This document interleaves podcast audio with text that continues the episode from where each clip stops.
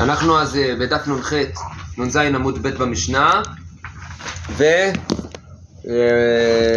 ואנחנו הולכים ללמוד איך מודדים את התחום. כשעם, כש, כשנמצאים בשבת אסור לצאת מהעיר יותר מאלפיים אמה. עכשיו היה צריך למדוד את העיר, רגע, למדוד את התחום מעשית. של האלפיים אמה. יש שאלה מעשית. כן. עכשיו החיילים שלנו בגבול, מחוץ לתחום. כן. נכנסו שם חצי לעזה, חצי מחוץ לעיר. מה שם בשבת, מה קורה?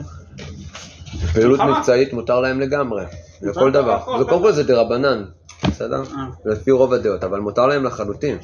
אני כשהייתי אה, במילואים, האמת שאני יצאתי מ... חברים שלי שהם לא דתיים אמרו בוא נעשה איזה טיול בערים ושכחתי מהקטע של התחומים, כל מה שהיה לי בראש זה רק למסור את הנשק למישהו בבסיס ולצאת, ואז כשחזרתי מישהו אמר לי, מישהו כאילו לא, לא היינו שם הרבה דתיים, לי אתה, אתה יודע שאיסור תחומים, לא זכרתי את זה. בכל אופן, יש את המדידה של האלפיים אמה. עכשיו, אם זה שטח ישר זה מצוין, אבל יש הרבה עליות, ירידות ודברים. מה עושים בדברים האלה ואיך מודדים? אז בואו נתחילה. קודם כל, כלל ראשון, המשנה אומרת, אין מודדים אלא בחבל של 50 אמה, לא פחות ולא יותר. הגמרא גם תביא מקור לדבר הזה.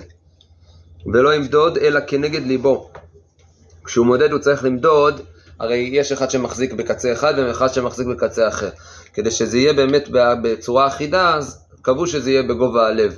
ולא שזה אחד? שיחזיק ברגליים ואחד שיחזיק בראש, ואז לא- זה לא פחות כולם יהיה אותו מדויק. גובה. בדיוק. אה, לא כולם אותו גובה, אתה שואל, זו שאלה. כן. בסדר, אבל זה עדיין אה, אה, לא, לא כל כך משנה. העיקר שלא יהיה יותר מדי. כמו בדלת אמות שלי, של- ומה עם עוג מלך עוג? מלך הבשן, כן. גם פה בטח, כאילו, לא, לא היה את השאלה הזאת, אוקיי. ולא ימדוד, בסדר. היה מודד והגיע לגיא או לגדר, מבליעו וחוזר למידתו. מה קורה? שכחתי להביא טוש עוד פעם, כל פעם שוכח להביא טוש. מה קורה אם עכשיו יש פה מדידה? יש שני המודדים. או, יעקב, שלום עליכם. אה, יש גם את? אוקיי, מצוין. אגב, הרב נבון יגיע, אז הוא גם אה, יחליף אותי בשיעור. עד שהוא יגיע אני ככה משלים אותו. יש לנו עכשיו עיר. הנה העיר. איזה יופי, אני מצייר. ופה יש אדמה, ופה יש אדמה, נכון? עכשיו יש פה גיא, שזה עמק, בסדר? הגמרא אומרת, אם אתה מצליח, אם העמק עצמו, בגובה שלו, בסדר? בשט, בגב, בש, באורך האווירי, כן? באורך האווירי מצליח להיות פחות מ-50 אמה, אז אתה יכול עדיין להעמיד שני אנשים משני הקצ, הקצוות של הגדר או של הגיא הזה, ולמדוד את השטח האווירי. כשאתה נמצא בשפה, ואתה לא צריך לרדת למטה ולמדוד. יכול, אבל, אבל, זה נקרא להבליע את השטח. אבל הליכה בפועל. זה יותר ארוכה, אם הולכים בתוך הגיא זה יותר ארוך. כן, נכון, עוד מעט נדבר על זה. כן. אבל אם לא, בואו נראה את זה.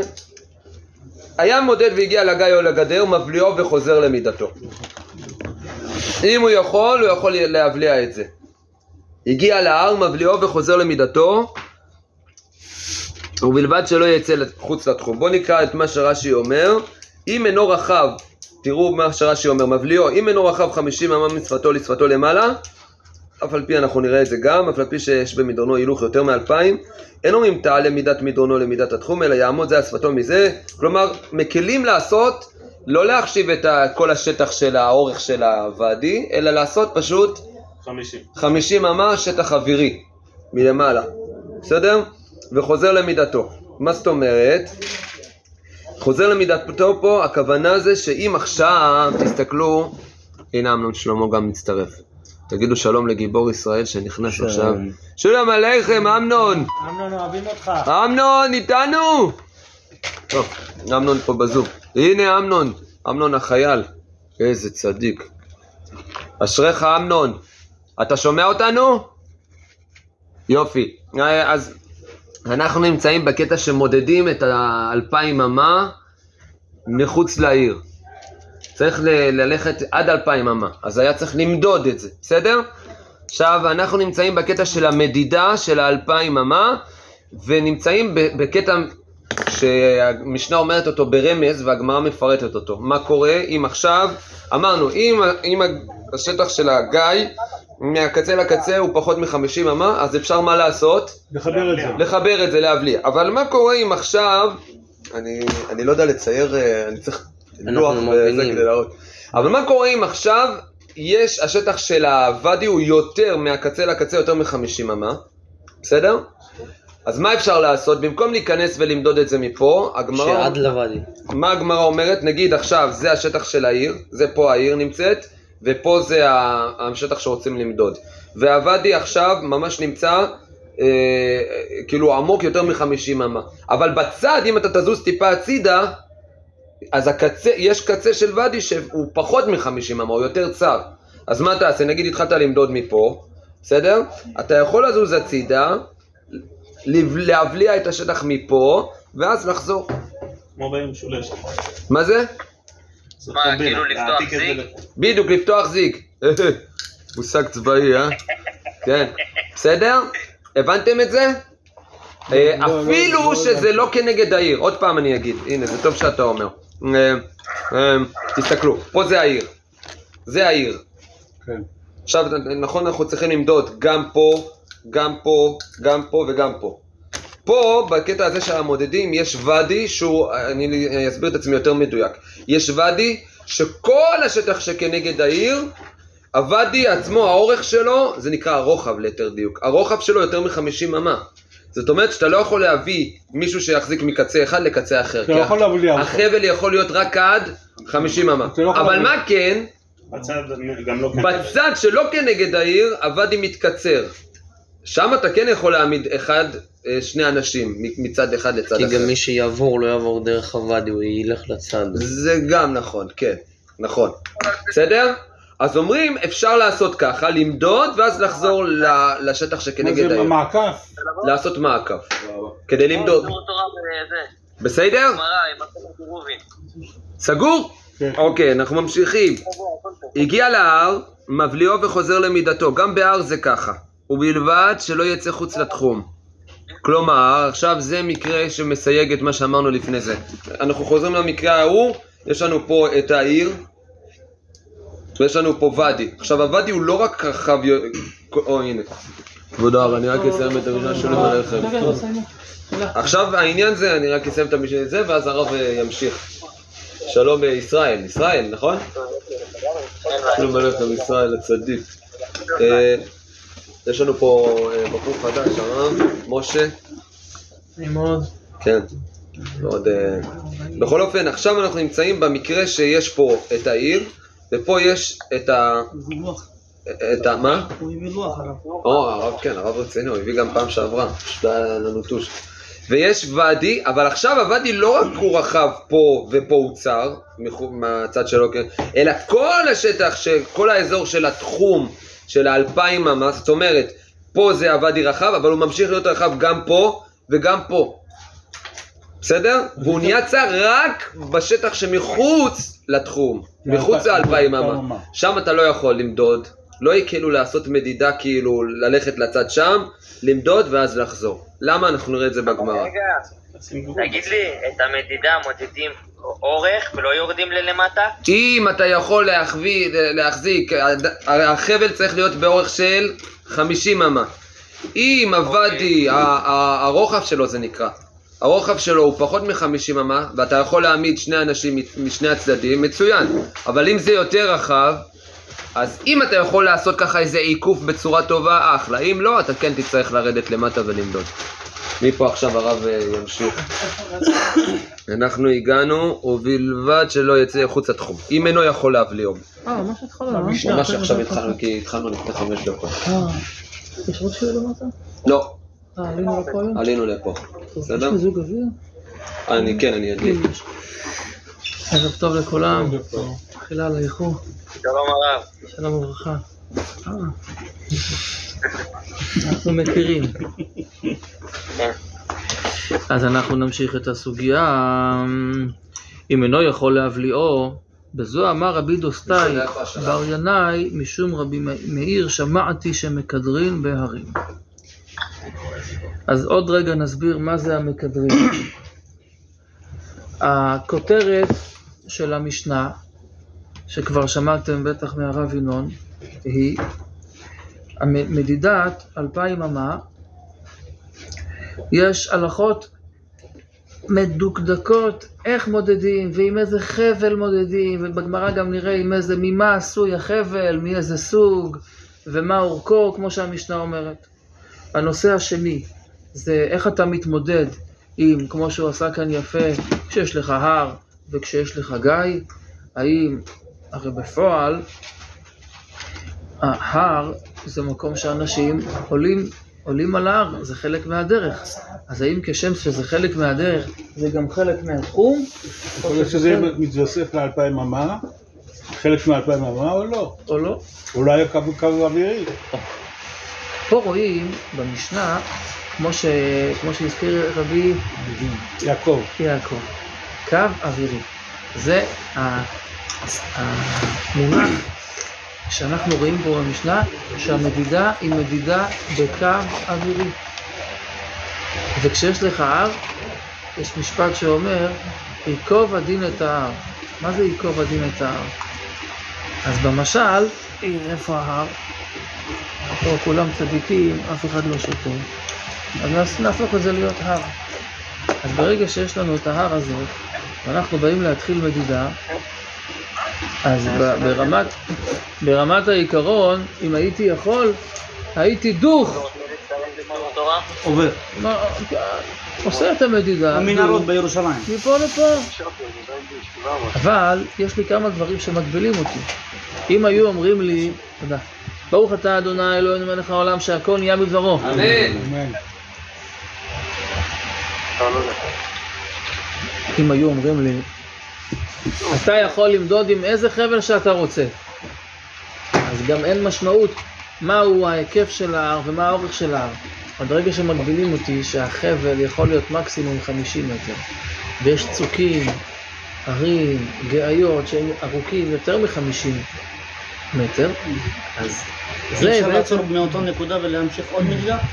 או, אז הוא? אומר, אתה עושה 50 ועוד 50, כמו במדידה רגילה.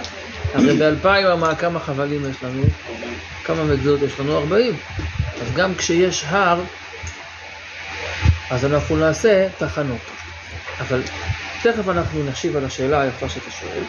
למעשה, כשיש לך הר, אז נתנו לנו פה אה, שני אופנים.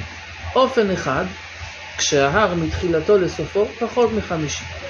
אם הוא פחות מחמישים, אז אם זה היה קו המדידה, אז אני פונה ימינה, וגם המודד, המודדים הם תמיד אה, מודדים בזוגות. איך נקרא השני? הצופה. פה לשון רש"י, רש"י קורא לו הצופה.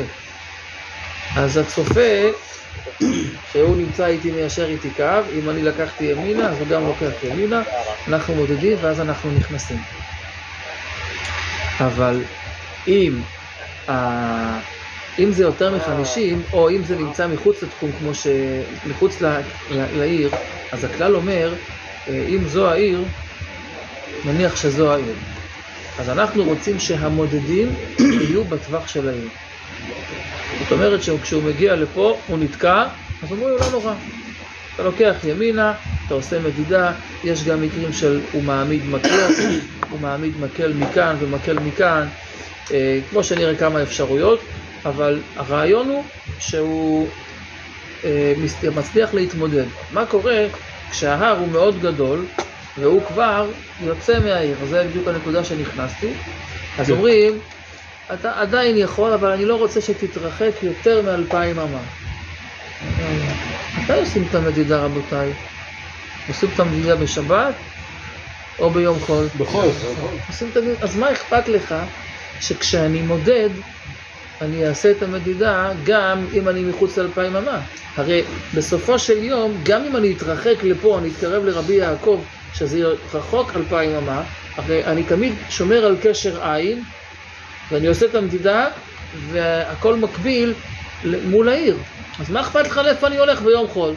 זה מה במחשבה, זה בשבת בחברותו. אני לא יכול להשתמש בזה. המדידה שתהיה מחוץ לאלפיים אמה תכתיב את האלפיים אמה ותשקף איפה יהיו אלפיים אמה פה, בתוך טווח העיר. אז מה אכפת לך מה אני עושה ביום שישי בבוקר? הסיכוי לטעות הוא גדול יותר, לא? כאילו ככל שאתה מתרחק. אז זה או סיבה אחת, ונראה עוד סיבה. ממשיכה המשנה אמן, אם אינו יכול להבליעו, זה המקדרין בערים. מקדרין בערים, פירושו, יש לפעמים מקרים שאנחנו רוצים לעשות את המציאות שהיא ממש הכי הכי קרוב לייקוב הדין את ההר. אנחנו עושים מדידה אווירית. איך אני יכול לעשות מדידה אווירית? אז יש לי כאן ציור מאוד פשוט, שעד שאני אסביר, תמונה אחת שווה אלף מילים. הנה. מקדרים, זה התמונה הזאת. אם, אם אתה יכול להעביר את זה לכולם, זה התמונה הרוח.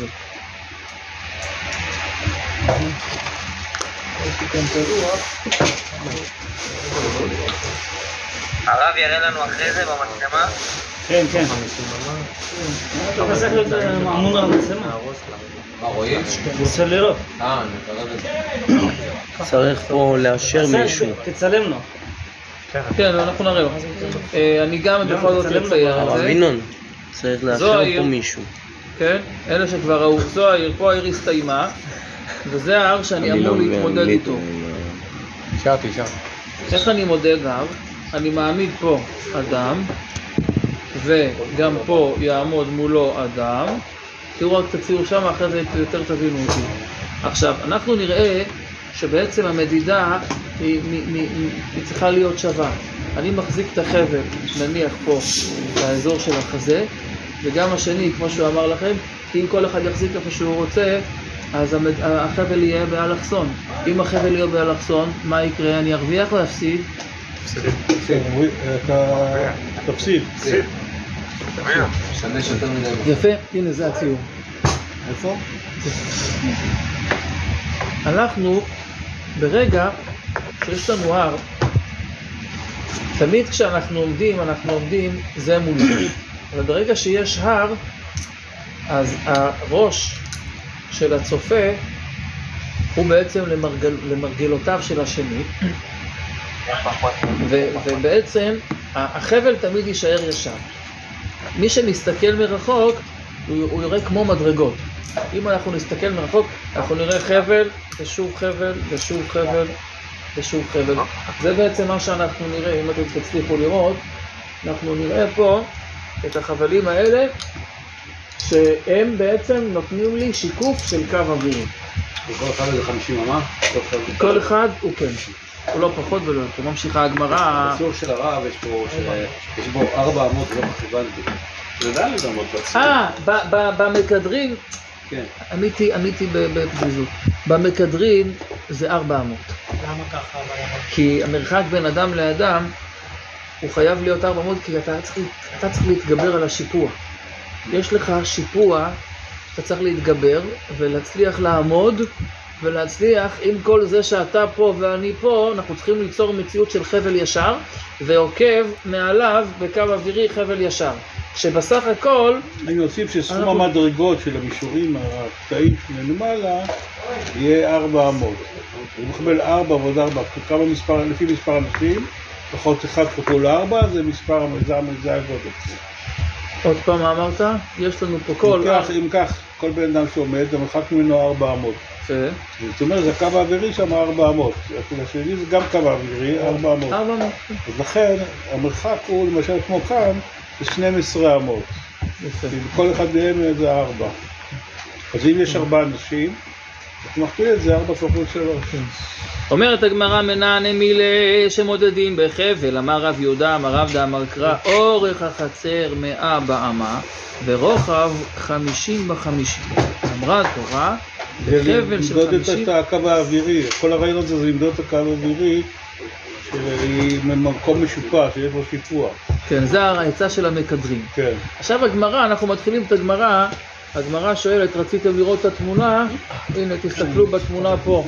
אלה מה... מה... מה... מהטלפון, פה התמונה. צילמתי היא. להם, צילמתי. אה, צילמת להם? עינן מילי בואו קצת נזדרז, זו גמרא קלה.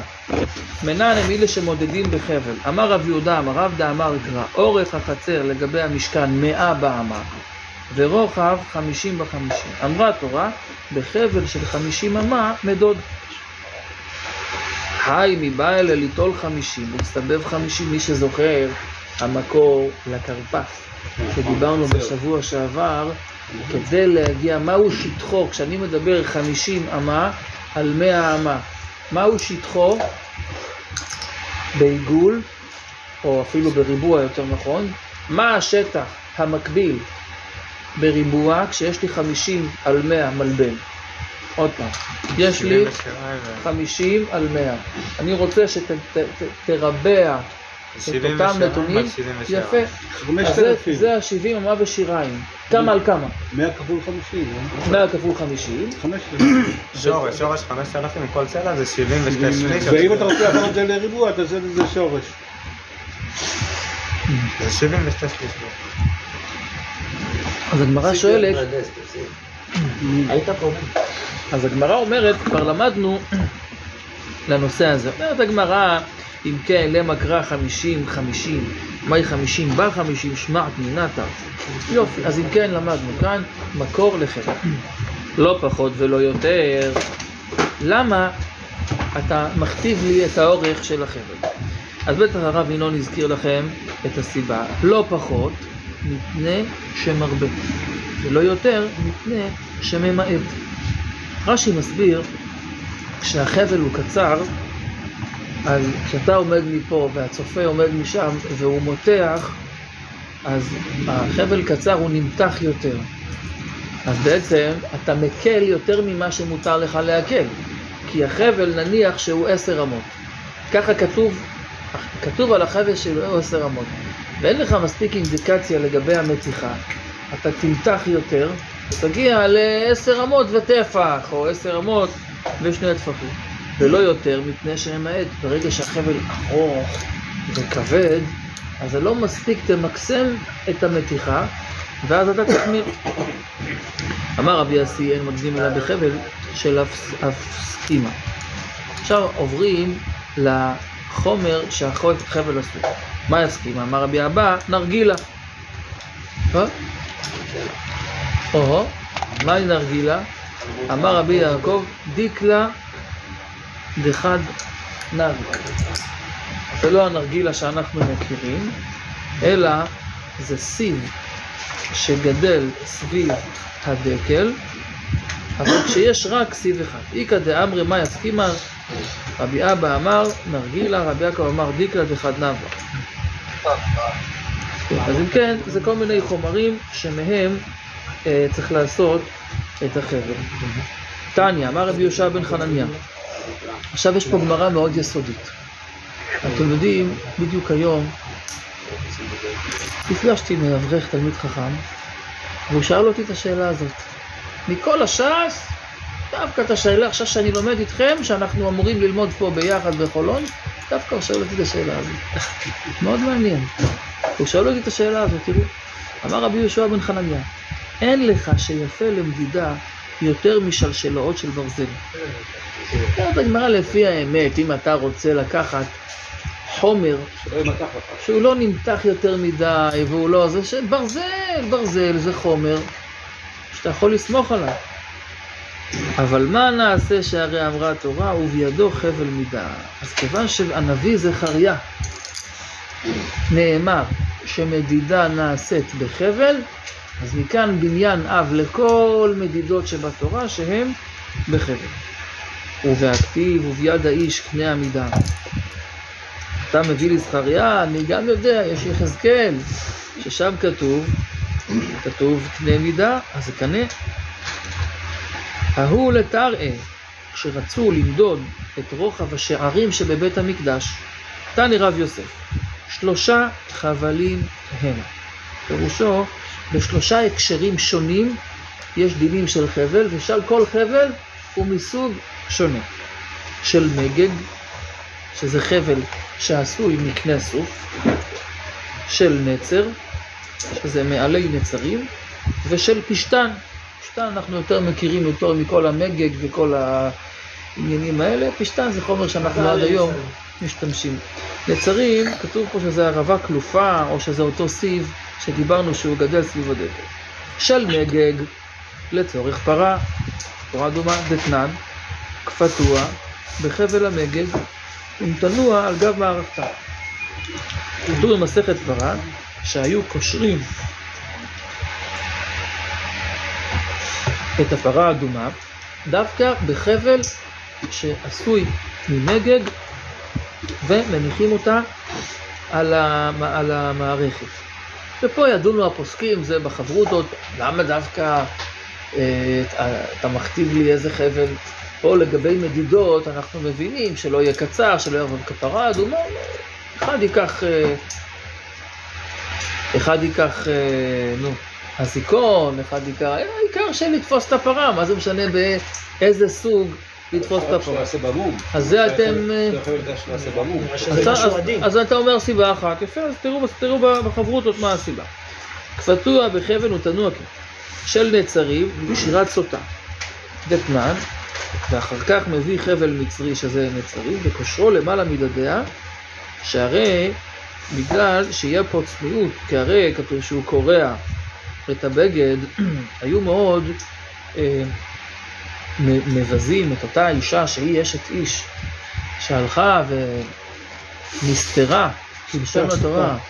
כן, היא, מה, מה זה סוטה? היא בעצם, יש עדים, עדי ייחוד, הם ראו שהיא מתייחדה עם פלונים, עקבו אחריה, שני עדים כשרים, ורואים איך היא נכנסת לאיזשהו חדר בבית מלון, או כל מיני מקומות, ונועלים את הדלת, והם נמצאים שם לבד חמש דקות.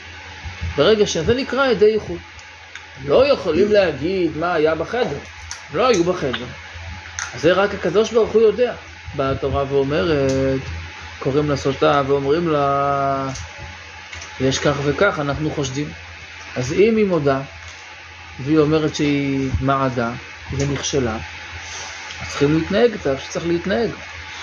אבל אם היא מכחישה, אז משקים אותה את מי המרים, והמים יעשו את העבודה. באיזשהו שלב מביאים, סותרים את שערה, רוצים בעצם להביא אותה למצב שכדאי לה להיות דוברת אמת, כדי שלא תקבל את המיטה הבזויה הזו שכתוב בתורה, שירחה נופל ובטנה צבה, ו... אז חלק מהתהליך היו צריכים לקשור למעלה, כמו שכתוב פה, וזה היה מפשתן. זה חבל מצרי, סליחה. חבל השלישי, זה הסוגיה שלנו. איזה חבל מודדים רבותיי? מה ראינו עד עכשיו? עם איזה חבל מודדים? ראינו של הדקל, ופה כתוב פשתן. כן. אז בחברותות אתם תצטרכו לדון, יש פה הגמרא סותרת את עצמה. מצד אחד היא אמרה לך למעלה שזה חבל שעושים אותו בפשתן. למעלה, סליחה, היא אומרת שזה חבל שעשו אותו מה... מהסיב של הדקל. מצד שני, אומרת לך מפשתן. אז זה גם נפקא מינה הלכה למעשה. ממשיכים הלאה. היה מודד והגיע, חוזר למידתו. מי דתני חוזר למידתו? בכלל, דאם אינו יכול להבליעו, הולך למקום שיכול להבליעו. הוא מבליעו, וצופה כנגד מידתו וחוזר. בעצם, אם לא שהגמרא פה אומרת את מה שאומרת, אז כשקוראים את המשנה, אי אפשר להבין. בטח הרב ינון, כשהוא קרא איתכם את המשנה, חילק את זה לשני חלקים. במשנה כתוב ככה, תראו איתי רגע את המשנה, שתי שורות מלמעלה. היה מודד והגיע לגיא או לגדר, מבליעו וחוזר למידתו. לפי האמת, יש פה נקודה. היה מודד והגיע לגיא או לגדר, מבליעו. זה דין ראשון. דין שני, הוא לא יכול להבליעו, אז הוא חוזר למידתו, וזה בעצם הגמרא שראינו עכשיו. בחברותות תתעכבו על הנקודה הזאת, איך לומדים פשט במשנה, במילים של המשנה, כן, בעקבות הגמרא עכשיו, שראינו עכשיו. תנינא ליד התנור רבנן, היה מודד והגיע עמידה לגיא. פה כבר יותר מפורט. אם יכול להבליעו בחבל של חמישים אמה מבליעו, ואם לאו הולך למקום שיכול להבליעו, הוא מבליעו וצופה וחוזר למידתו. אם היה גיא מעוקם, מקדיר ועולה, מקדיר ויורד. אתם זוכרים מה זה המקדרים? אם הגיא הוא מעוקם, אז אין לך ברירה, אתה תצטרך לעשות פה, להביא נעלי הליכה, נעלי טיפוס, ל- לעלות על ההר, לא למדוד את השיפוע, כי אם אתה מודד את השיפוע, אתה יהיה לך מפסיד. מרחק אה, גדול יותר. כן, אתה מפסיד אותי. אתה מפסיד אותי. אז אני רוצה שתעשה מרחק אווירי. אז כמו שאמרנו, אתה נמצא למעלה, הראש שלי כנגד הרגליים שלך, אני תופס את החבל, אתה מתכופף ותופס, צריך פה גמישות, לא כל אחד יודע לעשות את, ה, את הפעולה הזאת, שהוא ממש יורד עם הידיים עד למטה, וככה קיבלנו את אותו קו אווירי. הגיע לכותל, אין אומרים ייקוב הכותל, אלא עומדו והולך. או, פה פתאום כתוב שאם אתה מגיע, אז אתה לא עושה קו אווירי, אלא אתה עומדו, זאת אומרת שאתה סופר את, ה... את, ה... את המטרים של ההר. מה קשה לכם? ואנא נתנן מבליאו זה וחוזר כותל, למידתו? אבל זה לא, זה קיר. לא? זה קיר. כן, אז הנה, אז תראו, תראו, אל תמניחא תשמישתא, חלון ניחא תשמישתא. אתם עכשיו בסדר, וגם לקראת השיעור, תשימו לב לדבר שאני הולך אה, רגע להראות לכם פה. שימו לב, אני עכשיו סולל כביש. אז סללתי כביש ישר. איזה נוח, וואו, איזה יופי. הקיצוני זה לבוא ככה. זה לא כביש. ברגע שאתה סולל כביש ועלית ב-90 מעלות, זה כבר לא כביש. עכשיו, איפשהו, ערב טוב אברהם, מה שלומך?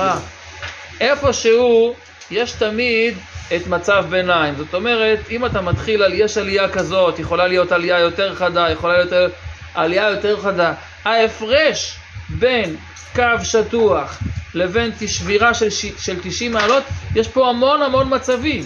אני יכול להתחיל ככה, ולאט לאט לעלות, אני יכול לעלות בצורה יותר חדה, אני יכול לעלות בצורה יותר חדה, זה ממש עניין של זוויות. בגמרא בעמוד ב' זה נקרא תל המתלקט. יש אמת מידה מאוד פשוטה. אם כשאתה נקודה, התחלת בנקודה הזאת, נניח שזה, אה, אה, פה מתחיל הרחוב. באיזשהו שלב עלית, עלית, אתה מוצא, מוצא את עצמך פה. אז זה מאוד תלוי מה המרחק בין הנקודה הזאת לנקודה הזאת. אם יש לי, תגיד, תנו לי שמות של רחובות. אני הגעתי, פניתי ברחוב גאולים, בסדר? רחוב גאולים לקח אותי לאיזה כיכר. הרחוב שאני, לפני שפניתי לגאולים, הוא רחוב אה, די ארוך, איך הוא נקרא? הסתדרות. ההסתדרות? כן, הסתדרות. קצת גיולים. נגיד, בוא ניקח ההסתדרות, זה רחוב ארוך. כן, הכי לפניו ארוך. בכלל, מהכביש, מ-44, כן, הוא לוקח אותי לאיזה רחוב... אה, אה, המלאכה. המלאכה, הוא בכלל, זה, זה עיר בפני עצמה. עכשיו, אם אתה מתחיל את רחוב המלאכה, ואתה נמצא פה, זה הגובה שלך. וכשסיימת את המלאכה, אתה נמצא מטר מעל. אתה מישהו מרגיש את העלייה הזאת? לא. ככל שהגובה בא לידי ביטוי במרחק, השיפוע הוא שיפוע מינורי. ככל שהגובה בא לידי ביטוי באופן קרוב, תארו לעצמכם שהשביל, אני חניתי בבית הספר דביר, יש פה איזה שביל חשוך כזה, בדיוק אמרתי לישראל, הבן שלי, מתי יאירו, יעשו איזה פנס, משהו, אתה נכנס לאיזה מערה כזאת, יש איזה תאורה שם, זה מאוד יהיה נחמד. אז השביל מ, מתחילת הבית ספר עד הדלת הזו הוא מאוד קצר. תארו לעצמכם שאנחנו מתחילים בגובה מסוים, וכשמסיימים את השביל, אתה כבר מוצא את עצמך בגובה. ככל שהשטח, המרחק הוא קצר, ובכל זאת עלית, זה מוכיח שהעלייה היא עלייה חדה. אם העלייה חדה, זה לא נוח להלך בעלייה הזאת. אם העלייה היא עלייה מינורית, זה חלק מהכביש. כביש זה לא מקום, כמו שאנחנו פה רואים, מרוצף. בפרט בזמנם, שלא היה כביש, שזה לא היה, סו- זה לא היה סלול,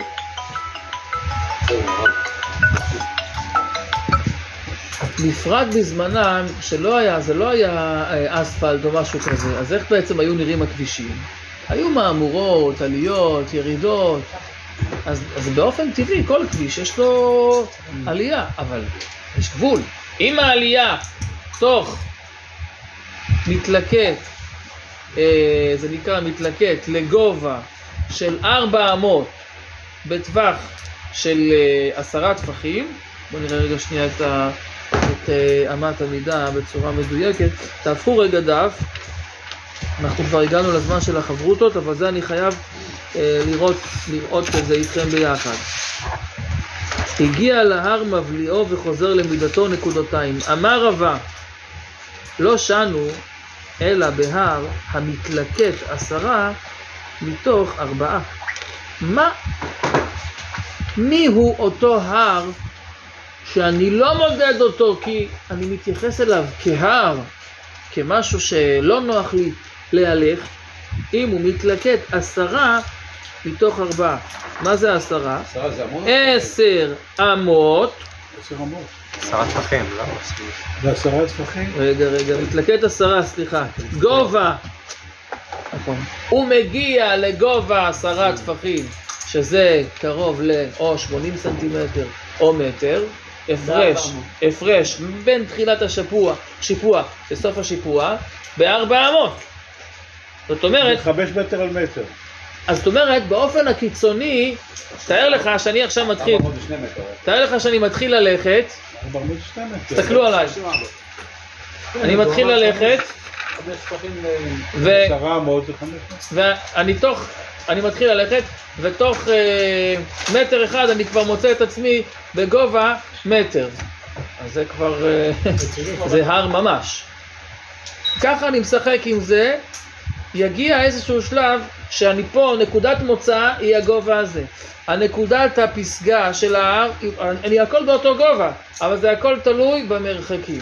אם זה ככה, זה ה-90 מעלות שציירתי, אז זה ממש הר לכל דבר. אם זה ככה, זה עדיין הר. אם זה כבר ככה, כן, נדבר לפי פרופורציה מסוימת, אז כנראה שמכאן לכאן כבר עלייה, עלייה מתונה שנוח להלך בה. זה בעצם היסוד. אם נוח ללכת על אותה עלייה, אני מודד אותה. למה אני מודד אותה? כי היא חלק מהדרך. מה חשבת? שכל הדרך תהיה לך ישרה, ישרה, ישרה? לא יהיה. יש פה ושם עליות, יש פה ושם ירידות. קיצור, זה ב- להיות אה, דרך נורמלית. יפה. אבל תלוי למי דרך. דלת שאפשר ללכת בה, ולא להתאפס ולהתאמץ. כן, בדיוק אנחנו אותו לא דבר. עושה הרים, אנחנו הולכים. יפה. אז זה אנחנו... שהרבה מותר ללכת, לא להתאפס. מצוין. אנחנו נעבור לשלב, זה נורמלי. אנחנו נעבור לשלב של החברותות. אנחנו תמיד פותחים את השיעור שלנו בכמה דקות של דברי חיזוק. והיום, בגלל שאנחנו נמצאים במצב של מלחמה, אז חייבים להתחזק בדברים שקשורים לענייני דיומא. יש מדרש שאומר, יותר נכון, המדרש אומר משהו טיפה שונה, אבל רש"י, רש"י מביא מדרש שלא מופיע במדרשים שלפנינו, אבל רש"י כך אומר, על אה, שמחת תורה. הרי בשמחת תורה נאמר, אנחנו יודעים שבכל אה, ימי חג הסוכות מביאים 70 פרים כנגד 70 אומות העולם. בשמיני עצרת הקורבנות שלו שונים. מביאים פר אחד, איל אחד.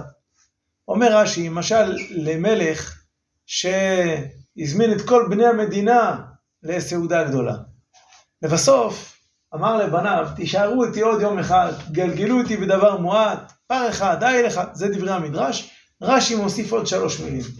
שהמלך אומר לבניו, קשה עליי פרידתכם, תישארו עוד יום אחד. אז בצורה פשוטה, קשה, קשה לי להיפרד מכם, בואו נחכה עוד כמה, עוד יום אחד תישארו. אבל נשאלת השאלה, בסדר, ואז מחר לא יהיה קשה להיפרד. הרי קשה להיפרד, אז אה, אם אתה דוחה את הפרידה, אז- אז גם למחרת יהיה קשה להיפרד. בסוף יגיע הרגע שבו צריך להיפרד, אז, אה, אז זה נהיה רגע קשה, אז, אז נחכה עוד יום. זה לא עובד ככה. אז יש הסבר שמופיע אצל כמה מגדולי החסידות, הראשון שאמר את זה זה רבי יצחק מוורקה, שהיה תלמידו של רב שמחה בוני מפשיסחה, אחד מגדולי החסידות. אז הוא היה אומר... לכן שכאילו הם נצפרדים, לא... נכון. והוא הוא כך אמר, בדור האחרון זה הופיע עוד, אני הרבי מלובביץ' מכם, אמר את זה, אני- והאדמו"ר מסלונים אמר את זה, היו הרבה שאמרו את הדבר הזה. הראשון ראיתי את זה בשם רבי יצחק מוורקה, שהוא אומר, קשה עליי פרידתכם, לא שרק קשה לי, הקדוש ברוך הוא, להיפרד מכם. קשה עליי שאתם נפרדים אלה מאלה. זה מה שקשה עליי. ולכן, אומר הקדוש ברוך הוא, תעשו חג שמחת תורה. חג שמחת תורה תפקידו לבטא את אחדות ישראל. מה הקשר בין שמחת תורה לאחדות ישראל? קודם כל, עוד לפני, הרי בהתחלה, מהתורה, לא, זה לא היה חג שמחת תורה, זה היה עצרת, שמיני עצרת. לא היה חג של התורה, עוד לא היה, לא, נ- בזמנם עוד לא נהגו לסיים את כל התורה פעם בשנה. היה בארץ ישראל, נהגו פעם בשלוש שנים, זה היה שונה. אבל האמירה קודם כל, ששמיני עצרת, יש לו עניין מיוחד אל עם ישראל. הוא בא לבטא, כן, שבעה ימים כנגד כל שבעים אומות העולם. שבעה זה כנגד הטבע, שמיני זה מעל הטבע, זה מדרגתו של עם ישראל. אז ברגע, בעצם זה שאנחנו מבינים שאנחנו עם נבחר, שאנחנו עם סגולה, שיש לנו מדרגה מעל הטבע, זה כבר מאחד אותנו. כי באמת, באמת, מצד הנשמה הישראלית, אין מה להשוות את הערך של הנשמה לבין הצד הבכירי של מה שאדם בחר לעשות. זאת אומרת, בכל אדם יש את הצד של הנשמה, הסגולה הישראלית, כל אדם איך שהוא נולד נשמה ישראלית, כבר יש בו קדושה עליונה. מעבר לזה, המעשים, ההוא בחר ללמוד תורה יותר, ההוא בחר פחות, ההוא בחר לעשות יותר מעשים טובים, ההוא בחר פחות, ההוא בחר לחטוא יותר, ההוא בחר פחות. אבל בעצם כל הבחירה, אנחנו בדרך כלל שופטים בן אדם לפי המעשים שלו, לפי ההתנהגות שלו, אבל האמת היא שהנשמה, זה נגיד לצורך הדוגמה, הנשמה זה כבר 90 אחוז. אז כל הבחירה זה בין 90 ל-100. אז לכן, ברגע ששמיני עצרת מדגיש את עם ישראל וייחודיותו של עם ישראל, אז זה מדגיש את ה-90 אחוז הם משותפים לכולנו, שיש לנו נשמה יהודית משותפת. ולכן זה כבר דבר שמאחד את כל עם ישראל. עם השנים, כאשר התחילו לנהוג, לסיים כל שנה את התורה, ואז זה הפך להיות גם חג שמחת תורה, אז למעשה זה עוד יותר בולט. כי בחג שמחת תורה זה לא כמו שבועות. שבועות, תגיד, יש אחד לומד יותר, אחד לומד פחות. בשמחת תורה אתה צריך ללמוד. המצווה היא לא הלימוד, המצווה היא לרקוד עם התורה. מאוד יכול להיות שיהודי שהוא ביום יום הרבה פחות לומד תורה, והרבה פחות עוסק בתורה, והרבה פחות מקיים תורה, אבל הוא יבוא ויעשה הכי שמח, וירקוד עם ספר התורה, ויניף אותו, וינשק אותו, וירגיש באמת, לא רק כלפי חוץ, ירגיש באמת השתוקקות והידבקות בתורה, וקשר לתורה. וכל אחד ואחד מישראל עולה לתורה, בשמחת תורה. לא רק חמישה עולים, שבעה עולים, לא, כולם עולים. אז הנקודה היא בעצם נקודה של שמחת תורה, אם, אם הקושי הוא קשה עליי פרידתכם, שאתם נפרדים אלה מאלה, אז התיקון הוא שמיני עצרת ושמחת תורה. זה נראה לי שההקשר לימים שבהם אנחנו נמצאים הוא ברור. שאנחנו, לדאבוננו, רק לפני שבוע ויומיים, בליל הושענא רבה, אז ישבנו אצלי בסוכה, והסוכה מקושטת בנושא אחדות ישראל, וכולם הנהנו, וכן, אנחנו יודעים למה, זה ברור לנו למה, כי, כי מרגישים כמה זה חסר, מרגישים כמה התעסקנו בפירוד, כמה קשה עליי פרידתכם. והקדוש ברוך הוא לפעמים מכריח אותנו, כופה עלינו הר כגיגית, גם לקבל את התורה כופה עלינו הר כגיגית, לפעמים גם כופה עלינו הר כגיגית להתאחד. ובימים האלה, אני... יצא ככה שאני מתפלל בבית כנסת, שהוא מרוחק מאוד מהבית שלי. יותר משני קילומטר, זה משהו כמו 25 דקות הליכה בשבת. ביום חול אני נוסע ברכב, או לפעמים באופניים, אני רוצה לעשות קצת כושר, אבל בשבת אני הולך ברגל. ואני גר יותר באזור אה, כיכר סטרומה, מי שמכיר, אה, אחרי סוקולוב, דוב עוז, אחרי דוב עוז, והבית כנסת הוא באזור העלייה השנייה, זה ליד... אה, ותיקים. מה? שיכון ותיקים. ותיקים, כן. בדרך, בדרך חזרה, בליל שבת, בדרך חזרה מהבית כנסת, אני עובר ליד העירייה, ברחוב ויצמן. ואני בדרך כלל הולך עם גמרא בדרך, אני לא בדף יומי בדרך. ו... ואני לא מסתכל כל כך מה מסביבי. פתאום מישהו קורא לי, הרב אהרונסון, אני מרים את העיניים, מוטי ששון, ראש העיר, מתחת לעירייה, טוב, הוא לא אמור להיות שם בליל שבת, זה לא... אז מה, הוא אומר, אני חייב אותך לכמה דקות.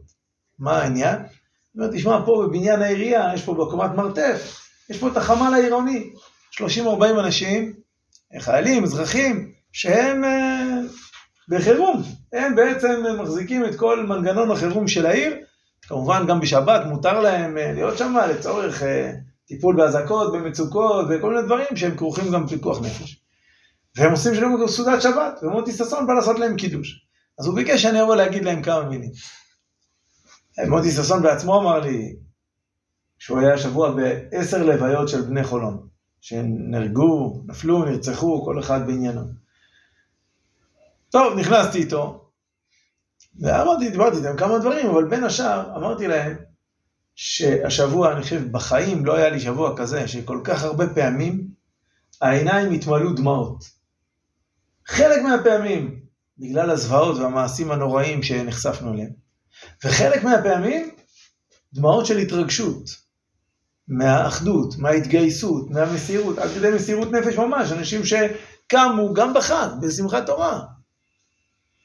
אנשים קמו, עזבו את הבתים, עזבו את המשפחות, לקחו נשק אישי, והלכו לעזור, הלכו להציל.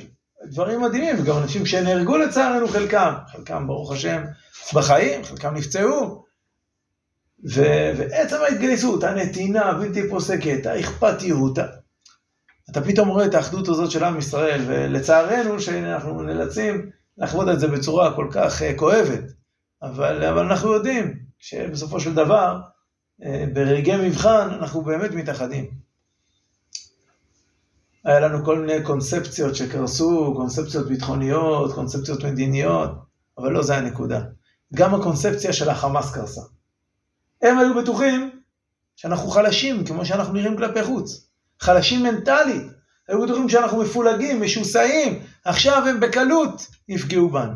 אין דבר כזה. עם ישראל ברגעי מבחן מתגלה האחדות הפנימית שלו. אז זה, זה החיזוק שאנחנו עוסקים בו היום, ונעבור לסוגייתנו. אז קודם כל, תגידו אתם, מה הנושא של הסוגיה? היום יש לנו סוגיה ארוכה יחסית, זה דף שלם של סוגיה. מה הנושא של הסוגיה? כיצד מודדים? כיצד מודדים? כיצד מודדים את האלפיים אמה של תחום שבת? היה לנו סוגיות קודמות של כמה מודדים. האם באמת אלפיים אמה, אלפיים עגולות, אלפיים מרובעות, האם מוסיפים כרפף, לא מוסיפים כרפף, זה הסוגיות קודמות. אבל עכשיו, איך? טכנית, איך מודדים? ומה בגדול התשובה? איך מודדים? חבל של 50 אמה. חבל של 50 אמה, כן? פשטן. דווקא פשטן, כן? איזה סוג של חבל, נכון? מה עוד? הם מודדים בדרך שהולכים, לא בדרך אה, תלולה שלא... אוקיי, ו- וכאן נכנס השאלה, בזוויות- מתונות, לא בזוויות אה, חדות מדי. נכון, ואם הזוויות חדות מדי, אז אם הזוויות חדות מדי, או אז עוקפים עומדים. אותם. אז יש לנו שתי אפשרויות. אה, יש או או מבליעים, בעזרת מדהים שקבוצות של אה, קבוצות של ארבע אמה, ארבע ארבע אמה, מחברים אותם. נכון, זה אפשרות אחת שברגע שיש זוויות חדות מאוד. והאפשרות השנייה היא זה פשוט לעקוף. אה, נכון, בלשון המשנה, או מבליעים או מקדרים. מבליעים, נכון, או מבליעים או... נכון, להבליע פירושו שאם נתקלתי באיזשהו אה, ואדי עמוק או גדר, גדר שנפלה וזה, אז מה אני עושה? אני מבליע, כלומר, אני זז הצידה ומודד באיזשהו מישור בצד וחוזר למקומי וממשיך הלאה. מחסיר- את ההפרש. בתנאי שהוא לא יוצא מחוץ לתחום. רש"י מסביר שזוהי גזרה, שהם יחשבו שהמקום שבו מדדת הוא גם בתוך התחום. ולכן, כדי שלא יחשבו, אז אתה מודד דווקא... למרות שזה נעשה ביום חול. נכון, אבל מכיוון שאתה מודד את התחום שבת, ואנשים יגידו, ראיתי אותם הולכים במקום הזה, מודדים תחום שבת. אז יחשבו שזה חלק מהתחום. לכן לא מתרחקים. אז הוא צריך עם סנפלינג לרדת? לא, זה או, אז, אז בדיוק, על- אז זה, זה הפתרון השני. אז אפשרות אחת זה מבליעים, ולפעמים אי אפשר, כמו שאתה אומר, אז זה מחוץ לתחום, אז מה אני אעשה? אז אפשרות השנייה זה מקדרים. מקדרים, אני אתן תכף עוד דגש על הסנפלינג, עוד שנייה נגיע לזה, אבל קודם כל מקדרים זה כשלא צריך סנפלינג, לא בשיפוע שלילי וגם לא בשיפוע חיובי, אלא זה בכל זאת תלול, אבל לא עד כדי כך סנפלינג, אז מה עושים? לוקחים חבל של 400. והחבל של 400, אחד מחזיק אותו כנגד רגליו, ואחד כנגד ראשו. נניח שהם עומדים ככה בשיפוע כל כף יד פה זה בן אדם, אז אחד מחזיק את החבל פה כנגד רגליו, השני כנגד ליבו, כנגד ראשו, ובעצם יוצא קו ישר. ואז הבן אדם פה לוקח את החבל, מוריד אותו גם כן לרגליו. ההוא בא לפה, וככה בעצם הם מודדים בעצם גם כן את הקו הישר, 400 ועוד 400, ובסוף מגיעים ל... לאותו, מסיימים את, ה... את הוואדי. אם זה ממש צוקים רציניים, אז מדלגים עליהם. זאת אומרת, אז אה, עומדים. לא בעומד. אפשר, כן, בעומד, אבל לא, אי אפשר, מה שאי אפשר למדוד לא מודדים. עכשיו צריך לזכור שכל הדיון פה הוא באמת דיון בדרבנן. הרי תחום אלפיים. אלפיים אמה, תחום שבת זה דרבנן. ולכן, אה, יש פה מקום להקל. והרבה מהפוסקים כתבו שאפשר להקל פה בדברים, למשל, כל הדיון פה, שאתה, למשל, כאשר אתה מקדר, מקדרים בערים, זה כולה. למה זו כולה? כי למה באמת דווקא מודדים ב-50 אמה? מה הסיבה דווקא? הגמרא מביאה מקור, תכף נתייחס לעניין שזה מקור. אבל מעבר לזה שיש מקור, מחצר המשכן... 50 על 150. נכון, זה המקור של חצר המשכן. אבל מעבר לזה, יש פה עניין של אה, הירושלמי, כך אומר, נראה רגע את ראשון הירושלמי. שנייה אחת. אומר הירושלמי, כמה הוא מידת התחום? 40 חבלים. קודם כל תסבירו לי את המשפט הזה. 40 כפול 50 זה 2,000 נכון. נכון. מידת התחום זה 2,000 אמה, 40 חבלים. הרי במשנה כבר כתוב שהחבל הוא, אין מודדים אלא בחבל של 50 אמה, לא פחות ולא יותר, נכון? כן. אז אומר הירושלמי, כמה מידת התחום? 40 חבלים. ממשיך הירושלמי ואומר, לא פחות שהוא נמתח ונשכר, ולא יותר שהוא נקמז ומפסיד. אז גם מי שלא יודע מה זה נקמז, יכול לנחש. מתכווץ. לא, הפוך, לא, לא מתכווץ, אלא יש לו בטן. אה, זה הפוך, זה הוא. ב- הוא בעצם יש לו בטן, נכון, כן. בדיוק. אם אתה לוקח, הרי בכל מקרה אתה לוקח אה, חבל, מותח אותו משני אנשים, אז, אז זה תמיד, אם אתה מותח מותח הוא ישר. אבל ככל שזה מרחק יותר גדול. אתה לא מצליח באמת למתוח 100%. תלוי גם, בין, השאל, בין השאר, זה תלוי גם בשאלה עד כמה החבל הזה כבד. אם זה חבל כבד, אז הוא יותר ישקע באמצע. ואם זה חבל דק, יותר יימתח. אבל גם, ככל שאתה יותר רחוק, אז זה הופך הבטן להיות- יותר גדולה. בדיוק, הבטן יותר גדולה. ולכן אומר הירושלמי, זה כדי ללכת עם שלושה אנשים. אבל לא אומרים ללכת עם שלושה, אלא ללכת עם שניים. אבל לא פחות מ-50 אמה שהוא נמתח ונשכר. אם אתה מותח, מות- עכשיו זה לא רק שהוא נמתח שאין לו בטן, כל חבל יש לו איזשהו, איזושהי אלסטיות. הוא יכול טיפה להימתח. מעבר. מעבר, כן, אתה לוקח חבל, אתה אומר, הנה זה 400. לא, אבל 400, מותחים אותו, אז הוא בעצם 4.1. אתה לא שם לב לזה, אבל אתה מותח. ולכן, לא פחות מ-50 אמה, כי הוא נמתח, ואז אתה נשכר. כי מדדת, נגיד, 50 פעמים, 40 פעמים 50. 500 פעמים 400, אבל בעצם מדדת 500 פעמים 4.1. אז הרווחת עוד חלק מהתחום. אז אל תעשה חבל קצר. ולא יותר, בקיצור יש לך שגיאה מצטברת. כן, ולא יותר מ-50 אמה שהוא נקמז, הוא מפסיד. נקמז שוב, הכוונה היא שהוא תופס בטן, ואז בעצם אם אתה לוקח חבל יותר ארוך, אז אתה מפסיד. כי לקחת, מדדת נגיד אלף אמה, אמרת אני אעשה... זה מגיע יותר מהר ל-2,000 אמה מאשר באמת צריך להיות, וזה מרחק בעצם... בדיוק, אבל בפועל. בפועל זה פחות מאלפיים אמה, ולכן אתה מפסיד. עכשיו, כל הדבר הזה הוא כאמור דין דה רבנן, ולכן הגמרא מסיימת בסיום הסוגיה, ממש בסוף, לפני המשנה הבאה, שרבי מאיר אומר שמקדרים בערים. אז תראו את שתי השורות האחרונות. אמר, כתוב הרי במשנה, במשנה כתוב, אמר רבי יוסי בר ינאי, משום רבי מאיר, סליחה, בזו, זו המילה המשמעותית, בזו אמר רבי יוסי בר ינאי, משום רבי מאיר, שמעתי שמקדרין בערים. על זה שמעתי. נכון? בזו שמעתי. אומרת על זה הגמרא בסוף הסוגיה, אני חוזר שוב לשתי שורות האחרונות של הסוגיה, בדף נ"ח עמוד ב' למטה. אמר רב נחמן אמר רב אבוה, אין מקדרין לא בעגלה ערופה ולא בערי מקלט, מפני שם של תורה. זאת אומרת, מה שאמר בדוסטאי, בזו הוא אמר, שמעתי שמקדרין בערים, דווקא בתחום שבת. למה? כי זה דרבנן. בדברים של תורה, עגלה ערופה גם צריך למדוד. מה צריך למדוד בעגלה ערופה? את המרחק לעיר הקרובה. מהי העיר הקרובה? עם איזה מקרים מדובר על עגלה ערופה? נמצא חלל באדמה, לא נודע מי היכהו. יש הרוג, לא יודעים מי רצח אותו. אז במקרה כזה, לארץ לא יכופר לאדם אשר שופח בקים בדם שופכו. בעיקרון, כדי, וזה גם כן רלוונטי ל- לימים שבהם אנחנו נמצאים, אדם שהוא בא ורוצח, לא יכופר כי בדם שופכו. וזה, אנחנו לא צריכים רק לחשוב, טוב, איך נשיג עוד שקט של עוד כמה שנים, לתקופה קצת יותר ארוכה. צריך כפרה, והכפרה היא למחוא, וביארת רע מקרבך.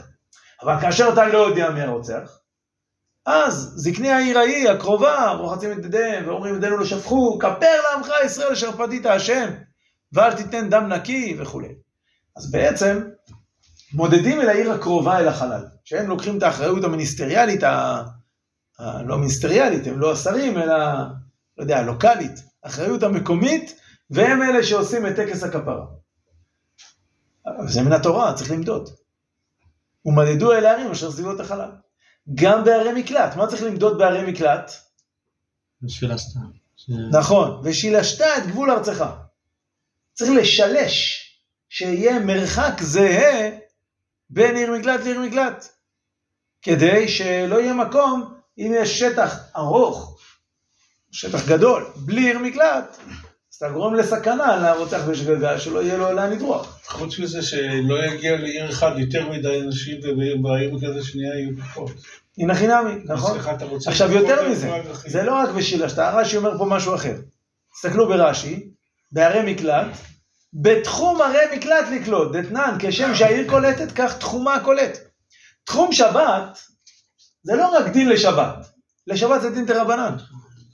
אבל הלוויים, מן התורה, היו מקבלים אלפיים אמה סביב, שזה יהיה שייך להם, זה דיני ממונות. מה שייך ללוויים, ומה שייך לשבט שהם מתארחים בו, שהם בעצם מקבלים עיר בשטח השבט. אבל בעיר מקלט, שכל עיר לוויים היא גם קולטת, אז יש משמעות נוספת לדבר הזה. מסכים עם המצב הזה שהיום צריכים ללכת למקלטים. כן. אז, אז גם תחום העיר קולט. כלומר, אתה יכול פשוט, אה, הרותח בשגגה, ברגע שהוא הגיע לאלפיים אמה, כבר לא יכול הגואל אדם להרוג אותו. או פיזית הוא יכול, אבל עונשו יהיה מוות, כי זה יהיה רצח. מותר לו לגואל אדם לרדוף אחרי הרוצח בשגגה עד שהוא הגיע לתחום שבת. לתחום שבת של לא, עיר הוא מקלט. לא- הוא לא מודד, ואז אה, אני מתחיל לרדוף אחרי הרוצח בשגגה. אתה צודק, אבל תחום שבת צריך להיות מסומן. צריך לסמן סביב העיר. אנשים יוצאים מחוץ לעיר בשבת, הם צריכים לדעת עד איפה הם אמורים ללכת. בערי מקלט, במיוחד הקפידו לסמן את זה, כדי שגם עוד הגואל אדם ידע. עניין של חיים ומוות. בדיוק, זה עניין של חיים ומוות. ברגע שאתה בורח, מסמנים בארבע ארוחות השם, אבל מסמנים את זה באמצע העיר. הרוצח בשגגה ירצה לברוח, שלא יראו אותו, אז הוא יברח בצד. לא משנה, מסמנים את כל ההיקף של כל. העיר. כן. במיוחד, שוב, לא בכל עיר עושים את זה. בכל עיר עושים, היה אבני סימון כאלה, פה ושם.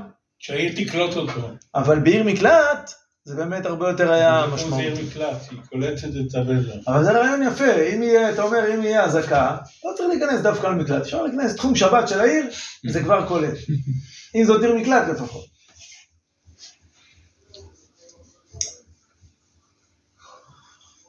עכשיו, מה, מה אני מראה פה? קודם כל אני מראה פה שיש הבדל בין דרבנן לדאורייתא. בדרבנן הקלו לקדר, זו הקלה. שוב, למה זה הקלה? כי כשאתה לוקח חבל של 400, אז כמו שהירושלמי אומר, הוא נמתח ונשכר. אתה מרוויח עוד קצת. ולכן זו הקלה. בעניין של דאורייתא, לא. צריך למדוד בדיוק. אתה חייב, תעשה מה שאתה צריך, מצידי תביא רחפן. אתה חייב למדוד באופן... הרב, גם אווירי כאילו, או שאתה מדרון עצמו? לא. אה, מחלוקת. אבל אתה צריך למדוד באופן מדויק. רש"י אומר, מודדים הרים וגאיות כקרקע חלקה. זאת אומרת, כן, מודדים את העליות והירידות. אז אה, אתה מפסיד המון. נכון, נכון. אבל הפרשנים אומרים שזה גם כן תלוי, אם זה אה, פתאום אה, צוק, אתה לא צריך למדוד את כל המדרון בסנפלינג, זה לא הגיוני. אז, אה, אז יש דיון באחרונים עד כמה הולכים בכיוון הזה. על כל פנים, קודם כל מהסוגיה, מהמשפט הזה, האחרון בסוגיה, אנחנו רואים שיש הבדל בין דאורייתא לדרבנן. המקרה שלנו הוא דרבנן. ואם כך, אני חוזר לתחילת הסוגיה. איך מתחילה הסוגיה? בואו נראה רגע בדף נ"ח עמוד א', תחילת הגמרא. מנען מילה, מה זה מנען מילה? מה המקור, נכון? ומה המקור? מה מה הגמרא אומרת מה המקור? המקור הוא פסוק בתורה. דאמר קרא, אורך החצר מאה באמה, ורוחב חמישים בחמישים. אמרה תורה בחבל של חמישים אמה מדוד. רגע, אבל צריך את זה ללימוד אחר, של ליטול חמישים מסביב חמישים? אה לא, כתוב חמישים בחמישים, שמע מינה תרתי. אז יש לי פה ממש דקדוק בפסוק. נשאלת השאלה, זה לא רבנן, זה אמור להיות אה, דאורייתא. בדיוק, אז מה, אם אתה לומד את זה ממש מהפסוקים, זה אמור להיות דאורייתא. הרי מדאורייתא אין בכלל תחומים. כל דיני תחומים שאסור לצאת על פ- רק אלפיים אמה תחום שבת, זה דרבנן. איך אתה לומד את זה מפסוק ועוד בכזה דקדוק? זה רק החבל, החבל מהפסוק. מחילה, שכחתי את שמך. יעקב. יעקב. אז יעקב אומר לנו, זה אסמכתא. אסמכתא פירושו, שזה לא באמת הלימוד. חז"ל לקחו פסוק, ודרשו אותו, אמרו, הנה, זה קרוב לזה. זה דרך לזכור את זה ולהבין. דרך לזכור, זה קשור, נותנים פה איזה רמז לדבר, אף על פי שאין ראייה לדבר, סימן לדבר. אז מה אכפת להם שהפסוק לא תפוס? אבל זה השאלה, מה שנדב אומר, אתה נדב נכון? התבלבלתי. מה שנדב אומר, זה אה, שאלה טובה. לכאורה, על אסמכתא לא כל כך מדייקים. יש כל מיני אסמכתות, למשל, הגמרא במסכת סוכה מביאה מושג שהוא דוגמה של האסמכתא. אה, שזה לא לימוד אמיתי, אבל זה אסמכתא. למשל, שכתוב ארץ חיטה או שעורה וגפן ותאנה ורימון, ארץ זית שמן ודבש. ואומרת הגמרא, כל הפסוק הזה לשיעורין נאמר. גם גרגר חיטה זה פת חיטים ולא פת שעורים, זה כדי אכילת פרס. שעורה זה טומאה שהיא כעצם עצם כשעורה. כל אחד ואחד מהדברים האלה יש לימוד מהם. כזית, אה, שכלי כלי בעלי בתים, שיעורם כרימונים, יש כל מיני, כל דבר, יש איזו הלכה שקש- של שיעור, של כמות שקשורה לדבר הזה. אז אם כך, אם באמת יש, אז הגמרא דנה בזה, והיא אומרת לא, הגמרא אומרת לכאורה, כתוב לנו ששיעורים זה הלכה לשם סיני, והיא עונה, כן, הפסוק הוא רק אסמכתא בעלמא. בסדר, אז באמת זה רק אסמכתא, כי אחרת אתה יודע דווקא ללמוד, אה, רוב השיעורים זה כזיתים. למה לא אה, ככותבת הגסה, שזה תמר, למה לא כרימון? איך החלטת מה במה? איזה שיעור מודדים באיזה דבר? לא, כי זה אסמכתא, אז אתה לא צריך לדקדק בזה, זה סימן לדבר לזכור. אבל כאן אתה רואה ממש שמדקדקים בזה. את השאלה הזאת שאל בספר אחד האחרונים, שנקרא גאון יעקב. אחד האחרונים על מסכת עירובין. מי שכתב את זה זה הרב יעקב כהנא, הוא היה תלמידו של הגאון מ... של הגר"א. הגאון מווילנה. הוא נפטר לפני אה, כמעט 200 שנה, הרב יעקב כהנא, הגאון יעקב.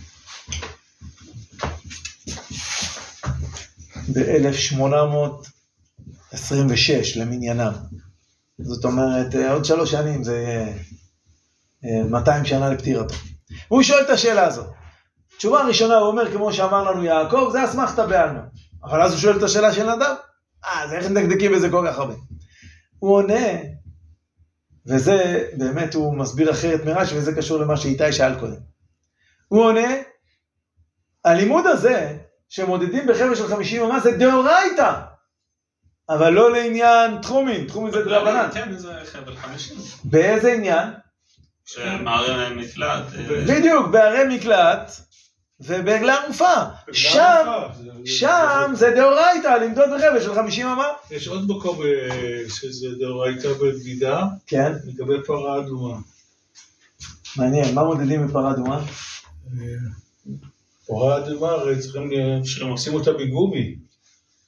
לא, זה החבל. כן, אבל זה לא 50, זה לא 2,000 לא- אמה. לא 50 אמה, כן, אבל זה נכון. מדידה בכל זאת. נכון, מודדים, כן. על כל פנים, יש הרבה דברים שמודדים. מקווה מודדים, שיהיה ברין שיער. הרבה שיער. כן, הרבה דברים שצריכים למדוד.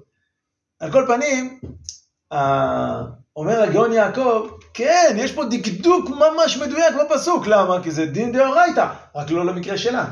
עכשיו, רבנן, יש לנו כלל, כל דתקון רבנן, כן, דאורייתא תקון. אם יש לנו דין מדידה של אלפיים אמה מדאורייתא בערי מקלט, ששם זה עם חמישי חבל של חמישים אמה, כך לומדים מהפסוק. אז כשרבנן תיקנו למדוד אלפיים אמה תחום שבת, אז מאיפה הם, מאיפה הם ילמדו את, ה, את התקנה דרבנן? מהדין דאורייתא. וכך הוא בעצם מחבר את זה, מצד אחד זה דרבנן, מצד שני הלימוד הוא לימוד דאורייתא, רק לעניין אחר, ואנחנו בגלל כן דאורייתא, אז אנחנו מעתיקים את זה לפה. אז זה קודם כל נקודה ראשונה. לפי הדברים האלה של הגאון יעקב, יוצא שהוא חולק על רש"י. למה? כי איתי שאל מקודם, רגע, אבל שם איך מודדים? שם בערי מקלט. אז לא מקדרים, אז מה כן עושים? אז רש"י אמר, כך רש"י אומר ב... בעמוד אה, ב', רש"י אומר, מודדים ערים וגאיות כקרקע חלקה. זאת משמע שהחבל הולך ככה, ואז אתה מפסיד המון. לפי הגאון יעקב לא ככה. כי מה אומר הגאון יעקב? שהדין דאורייתא של 50 אמה נלמד מערי מקלט. זאת אומרת שגם שם מודדים בקו ישר של 50 אמה. נכון שאם יש הרים מאוד uh, תלולים, אז אתה מודד 50 אמה ככה ו-50 אמה ככה. אבל אם זה הרים בגדול, בגדול אתה מודד בחבל של 50 אמה. לא ממש על פני הקרקע עם כל העליות והירידות. הוא לא חולק על רש"י, הוא פשוט ככה מסביר את רש"י, שרק כאשר יש הרים גבוהים וגאיות תלולים, אז מודדים אה, בקרקע חלקה. יש, זה נקודה אחת שרציתי ככה לחדד את העניין הזה של דאורייתא דרבנן, איך לומדים וכולי. נקודה שנייה שרציתי להדגיש פה, יש המון עסקו בעניין הזה, איך מודדים היום. הרי בימינו, יש לנו ברוך השם, אה, דרך למדוד, יש מקצוע כזה, לייזר, מודדים, לייזר, ראיתם בטח, יצא לכם כמה פעמים לראות את המודדים האלה עומדים ב... מה? רמת דיוק מאוד גבוהה. רמת דיוק מאוד גבוהה, נכון? ומפות משרטטים על פי זה. למה לא נמדוד לפי מפה? האם מותר למדוד לפי מפה? או לפי חברת מדידה? אתם מכירים את החצובה הזאת, שלוש רגליים, שהוא עומד ככה, מסתכל כזה ככה, כמו איזה צלם. אז אה, הוא לא מצלם, הוא מודד. אז האם, האם היום, שיש לנו דרכים להיות מודרניות, טכנולוגיות, יותר מדויקות, האם כך צריך למדוד או לא? אז כאמור, אה, עסקו בזה לא מעט. בגדול, ההיגיון אומר שלמה לא? שבוא נמדוד לפי הדיוק. הרי כל מה שאנחנו מנסים זה לשער שיהיה לנו אומדן כמה שיותר קרוב למציאות. אבל אם יש לי משהו יותר מדויק, אז נהדר. וכך באמת כתבו, שוב, זה דיון שהתחיל בדורנו, שממש התחילו... היום אפילו ה- הדעיות האלה לא לא מהווה בעיה, גם את זה אפשר למדוד וגם את זה, הכל אפשר למדוד. נכון, שוב, אמרתי קודם רחפן, מומחות, גם לא בעיה, אבל אתה יכול למדוד כל דבר. אז הביאו סיוע לדבר מדברי הפרישה, הפרישה הוא אחד האחרונים על השולחן ערוך, שבזמנו עוד לא היה דרכים כאלה מדויקות למדוד, אבל הוא כותב כך, ובכל שיעורים שמזכיר רבנו והבית יוסף, אינו אלא בעומד הדעת. אם היו יודעים בוודאי כמה הוא הנחל יותר מקפה, אז לא היו צריכים למדוד הנחל כלל. כך כותב הפרישה, זאת אומרת, הוא אומר, אם אתה יודע בוודאות כמה זה נחל, אתה לא צריך למדוד. המדידה זה רק כדי להגיע כמה שיותר קרוב לאומדן, אבל אם יש לך ידיעות, אז יש לך ידיעות. ולכן, הרבה מהפוסקים אמרו שכן אפשר למדוד על פי מפות, על פי מכשירי מדידה וכולי. אמנם, יש מחלוקת אה, מעניינת, קצת מוזרה, שמופיעה בראשונים, שהיא אה, קשורה לענייננו. מה קורה כאשר מדדת יש לך עיר, נגיד הרי למדנו כבר שמעברים את הער- את הערים, כלומר אם יש לי נגיד עיר עגולה, אני קודם כל משרטט ריבוע סביב העיר, מרובע סביב העיר, ואז מהמרובע אני מותח אלפיים אמה לכל כיוון, ובונה מרובע של תחום שבת יותר גדול מהמרובע של העיר, נכון? חוסם מרובע חוסם. כן. עכשיו, קודם כל מרובע חוסם סביב העיר, ואז עוד מרובע. עכשיו, כיוון שזה מרובע, אז זה צלע ישרה. עכשיו, תאר לך שמדדת פה, בפינה, נגיד הצפון-מזרחית, מדדת אלפיים אמה.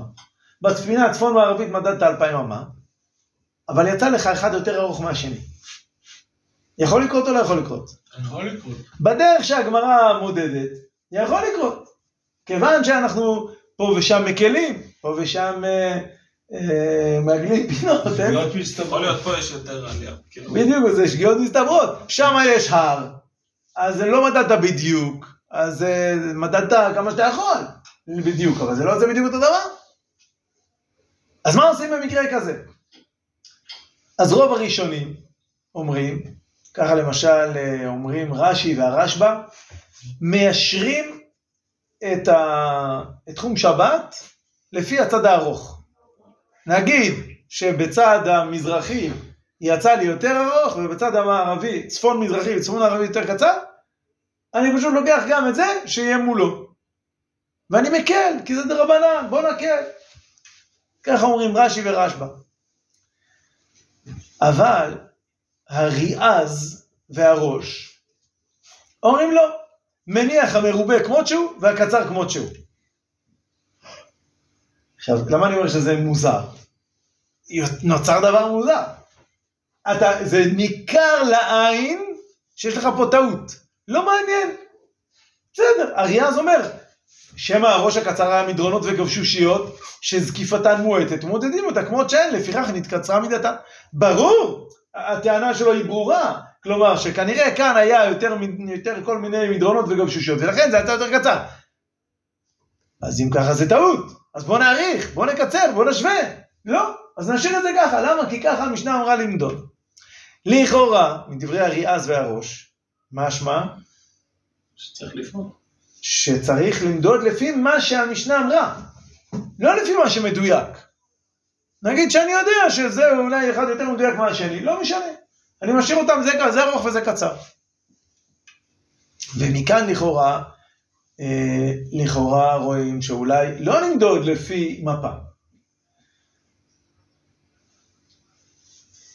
הרמ"א בסימן שצ"ט, שהפעם המה התקצרו. כן, אז הוא הביא את דעת הראש כדעת סתם, שלהשאיר את זה ככה, ואת דעת רש"י והרשב"א כשומרים.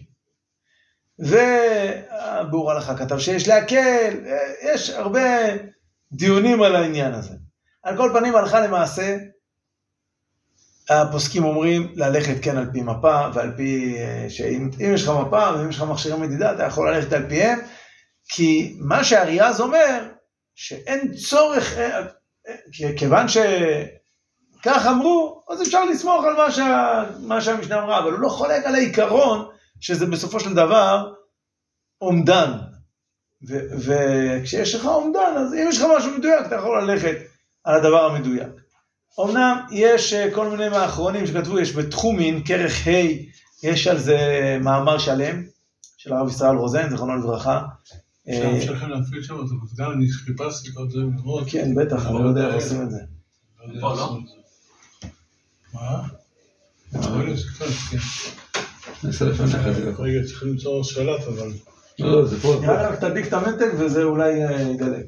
יש פה איזה מתג? אה, שמה למעלה. נראה לי למדנו גם אה, לפני, בהתחלה, בהתחלה. אם יצא מהתחום, כן. נכון? שאז מה? מה קורה, האם יכול ל- לחזור?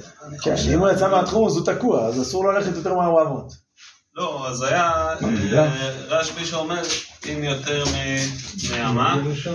הוא יכול לחזור. למה? כי יש את הטעות שלה. אה, נכון, נכון. יש את הוא הטעות. אז נכון. כאילו מבחינתו ברור לו ש... יש טעות וזה לא מדויק עכשיו אה, מאה אחוז. כן. עכשיו, נקודה אחרונה בכל הנושא הזה, שוב, אני התחלתי להגיד שבמאמר בתחומין, אז יש, אה, יש על זה כל מיני דעות, אם אתה מודד ב, אה, בעזרת מפה וכדומה, האם אתה צריך להוריד כמה אחוזים, כדי שזה יהיה יותר קרוב לשיעור של ה... אז יש אומרים להוריד 4 אחוז, יש 6 אחוז, אומרים שלא צריך להוריד כלום, אה, זה דיון להלכה. נקודה אחרונה, בפועל היום לא מודדים עם חוט, חבל, נכון? לא, בפועל מודדים עם מכשירי מדידה וכולי. למרות שבפועל בפועל לא מודדים כל כך. כן. אין, אנחנו לא מכירים היום סימונים של תחום שבת. יש ביישובים דתיים, אז עושים איזה משהו כזה, בחלק מהיישובים הדתיים. יכול להיות שגם איזה חוט שנמתח. החוט זה העירוב, אבל אה, כשאתה הולך מחוץ לעירוב, עוד אלפיים אמה, אז אה, אתה לא רואה שם איזשהו סימן. אין מדידה כאילו אי אפשר? פה. אז השולחן ערוך כותב בסימן ש"ו, מותר למדוד בשבת מדידה של מצווה. בעיקרון בשבת אסור למדוד סתם דברים, אבל מדידה של מצווה מותר. למשל, מותר למדוד מקווה, מותר למדוד בענייני טומאה, יש כל מיני... המצות, המשקל של המצות. המשקל של המצות. אה, אם יש בעניין טומאה, יש כל מיני דברים של אם יש חור בגודל טפח על טפח, אז הטומאה עוברת, יש כל מיני דינים שמותר למדוד. זה חתיכת מדידה, זה לא מדידה כזאת, אתה יודע, שהוא משקל נכון, קטן. אז לא מתחילים עם חוט, מה כן עושים? כך כותב אה, בשולחן ערוך בסימן שצ"ז, קדש עליו היום בבקעה ואינו יודע תחום שבת, מהלך אלפיים פסיעות שהן תחום שבת. אז המשנה ברורה אומר, זה רק בתנאי שהוא צריך ללכת לאיזה צורך של שבת, אז זה נקרא מדידה של מצווה. אם זה לצורך שבת, לצורך עונג שבת, משהו, לא יודע, אפילו סתם לפגוש מישהו, לאכול שמה וכדומה, אז זה כבר נקרא לצורך עונג שבת, זה לצורך מצווה. אז לצורך מצווה מותר לך למדוד. איך תמדוד? לא תתחיל עם חבל, גם אסור לך לטלטל חבל בשבת. אלפיים פסיעות. אלא אלפיים פסיעות. שזה הגיוני, כי שתי פסיעות זה מטר. נכון, אז פסיעה אחת זה בערך אמה. עכשיו שוב, אז מקילים בדבר הזה, שאתה מודד על פי אומדן, אלפיים פסיעות. יש על זה סיפור אה, מעניין, ובזה נסיים. ידוע שרבי מאיר היה תלמידו של אחר, של אלישע בן אבויה. היה תנא אלישע בן- אבויה, שיצא לתרבות רעה. והפך... מה זה יצא לתרבות רעה? בירושלמי מתואר שהוא ממש היה משתף פעולה עם הרומאים נגד עם ישראל. ממש בצורה אחרת, עד כדי אה, לגרום למותם של יהודים, ממש, ורבי מאיר היה לומד ממנו תורה. הגמרא אומרת על זה, רבי מאיר, רימון מצה, תוכו אכל, קליפתו זרע. על כל פנים, יש, אה, מופיע ב, גם בגמרא, בחגיגה, וגם במדרש, ברות רבה, מדרש רבה על מגילת רות. מופיע שרבי מאיר היה מהלך יחד עם אחר בשבת, אחר היה רוכב על סוסו בשבת, ורבי מאיר מהלך אחריו ולומד ממנו תורה. אז הוא דן, הוא אומר לו, חזור בך, תחזור בתשובה. הוא אומר, ראיתי מאחורי הפרגוד, שובו בנים שובבים, חוץ מהאחר. אני ננעלו בפניי שערי תשובה. ואז אומר לו אחר לרבי מאיר, חזור, שכבר שיערתי בעקבי סוסי שעד כאן תחום שבת. זאת אומרת, אחר הוא עם העקבות, עם הפסיעות של הסוס, יש משהו במנטליות שהאדם היה תמיד חכם, אז לא משנה, עכשיו כל הראש שלו עדיין עובד ככה. הוא רוכב על סוס בשבת, אבל הוא סופר את הפסיעות של הסוס בשביל תחום שבת. והוא אומר לו, הנה, עד כאן תחום שבת, ולכן... לא, הוא דואג לתלמיד שלו. כן, הוא גם דואג לתלמיד שלו, זה נכון. עכשיו, יש כאן באמת דבר מדהים, לעצמו הוא לא דואג, אבל לתלמיד... יש כאן דבר מדהים, ש... שבעצם רבי מאיר אומר לו, חזור בך. כלומר, תחזור בתשובה. והוא אומר לו, תחזור, תחזור לעיר, כי הגענו לתחום צריכים שבת. כן, כל אחד צריך לחזור, מ... הוא צריך לחזור במובן הרוחני, הוא צריך לחזור במובן הגיאוגרפי. ו... וזה באמת אה, מציאות מורכבת.